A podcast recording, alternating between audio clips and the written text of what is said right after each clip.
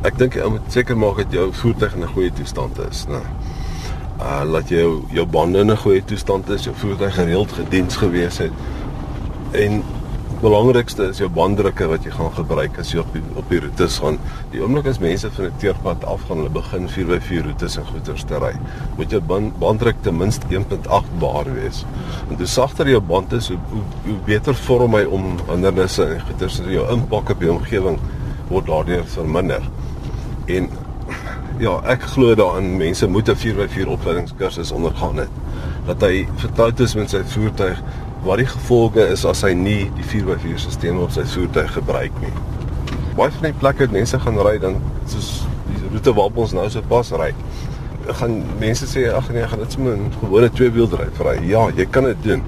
Maar die jou impak op die omgewing is soveel groter. En mense is te bang om 4x4 te gebruik te dink hulle voertuig gaan nie hou nie.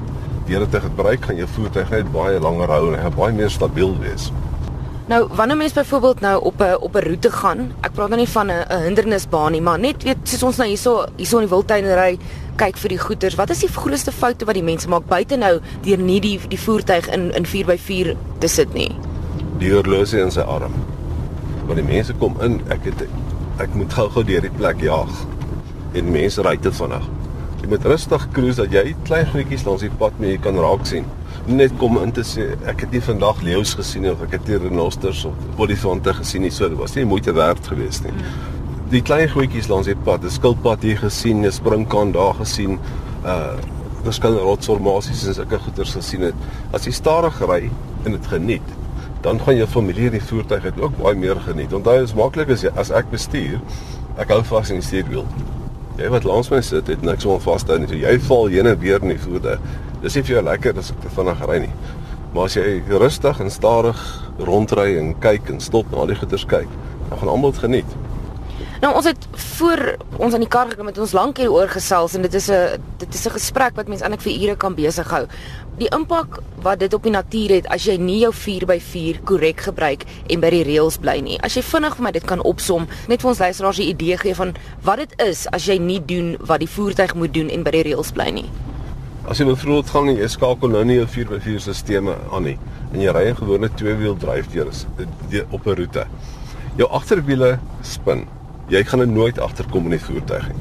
Daai klein bietjie wat hy traksie verloor, daai millimeter of 2 wat die wiel vinniger beweeg as die ander wiel. Skop 'n bietjie sand uit, versteur 'n plantjie waar daar gras of so aan en uiteindelik kry jy daai daai sinkplaat effek op op 'n pad. As jy jou 4x4 sisteme inskakel, dan is jou krag eweredig versprei oor die vier wiele. So jy kry dan die effek jy rol oor die aarde. So jou impak is minimaal en langtermynskade is omtrent zero op die terrein waar jy beweeg. En natuurlik die heel belangrikste is, jy wyk nooit van 'n bestaande roete af en jy bly op daai spore. As daar 'n fout is met die spoor, klim uit, maak hom reg en bly op die roete. Moenie 'n nuwe paadjie begin nie want so veroorsaak jy meer en meer skade.